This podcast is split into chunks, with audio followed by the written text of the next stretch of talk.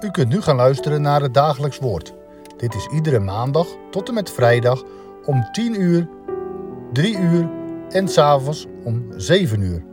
Deze meditatie wordt verzorgd door dominee Smit.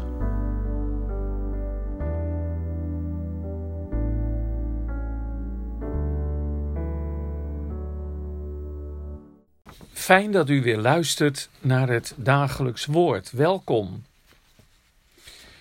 Met elkaar zijn we aan het lezen in de bergreden. Daarin geeft Heer Jezus aan hoe er geleefd wordt in het rijk waarvan Hij koning is. Vandaag lezen we de versen 40 tot en met 42 van Matthäus 5. Ik zal ze u voorlezen. Matthäus 5, de versen 40 tot en met 42. En als iemand u voor het gerecht wil dagen en uw onderkleding nemen, geef hem dan ook het bovenkleed. En wie u zal dwingen één mijl te gaan, ga er twee met hem. Geef aan hem die iets van u vraagt, en keer u niet af van hem die van u lenen wil. Tot zover dit gedeelte uit Matthäus 5. Hier wordt dus gesproken over onderkleding en bovenkleed. Ja, en als we dan gaan lezen aan het eind van het Matthäus-evangelie, dan lezen we daar in hoofdstuk 27 Nadat zij hem gekruisigd hadden, de Heer Jezus, verdeelden zij zijn kleren door het lot te werpen, opdat vervuld zou worden wat gezegd is door de profeet: Ze hebben mijn kleren onder elkaar verdeeld, en om mijn kleding hebben ze het lot geworpen. De soldaten namen Jezus onderkleding en hij heeft niet verhinderd dat ze ook zijn bovenkleed namen. Maar was het dan geen gruwelijk onrecht dat zij de zoon van God zijn kleding afnamen? Natuurlijk was dat onrecht. Maar de Heere Jezus wilde over hen geen rechter zijn. Hij gaf het over aan zijn vader. Het was zijn taak niet het recht in eigen hand te nemen. Zijn taak was het om ervoor te zorgen dat u en ik bekleed zouden kunnen worden met zijn gerechtigheid. Weet u, als wij hierop gefocust zijn, op het recht mogen staan voor God door het offer dat Christus volbracht heeft, als we een diep verlangen kennen om hieruit te leven, dan leren we het af om op onze strepen te gaan staan. Leven uit Jezus, blijven in zijn liefde, dat maakt andere mensen van ons.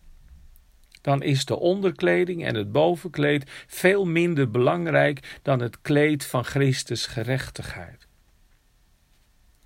En nu hoop ik zo dat er bij u en bij mij een intens hunkeren mag zijn om dicht bij de Heer Jezus te leven.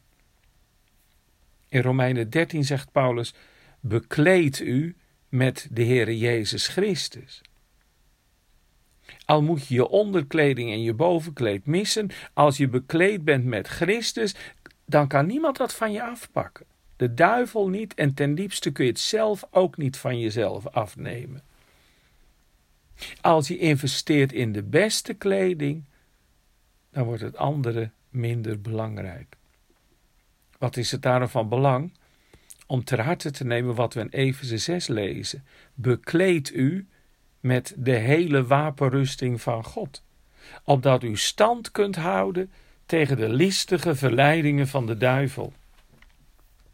De wapenrusting van God, dat wil zeggen de bewapening die God je aanreikt. Hij staat gereed om je ermee te bekleden. En de apostel voegt eraan toe: met alle gebed en smeking. Met de daad Jezus volgen, de minste zijn, liever schade en onrecht lijden dan wraak nemen, dat kan alleen als je zonder ophouden volhardt in het bidden.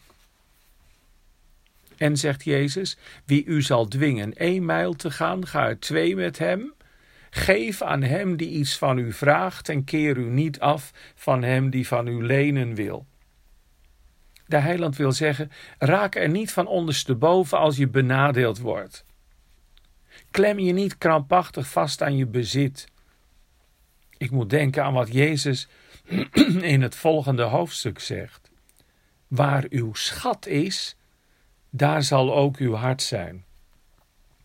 U en ik investeren wij echt in wat het allerbelangrijkste is. Want daar gaat het toch om. Dat over je leven de lichtglans van de eeuwigheid ligt.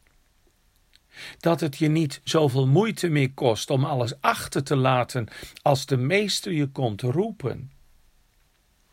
In wezen kun je de hele bergreden samenvatten in de oproep van Jezus om eerst het koninkrijk van God te zoeken, om gericht te zijn op Gods koningschap in jouw leven en om je heen.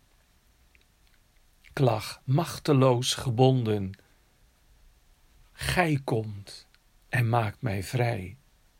Ik was bevlekt met zonden Gij komt en reinigt mij. Het leven was mij sterven, tot gij mij opdeed staan. Gij doet mij schatten erven, die nimmer meer vergaan. Amen. Zullen we met elkaar bidden? Heren, wij bidden en wij smeken het u dat wij werkelijk de Heer Jezus mogen volgen van dag tot dag. Dat we goede keuzes kunnen maken. Dat we niet krampachtig vastzitten aan dit en aan dat. Maar dat we weten mogen dat U ons leven leidt, dat Vader zorgt. Doe ons eerst uw koninkrijk zoeken. Dat u het voor het zeggen hebt in ons eigen hart en leven, maar ook om ons heen koningschap van u, dat dat gestalte mag krijgen.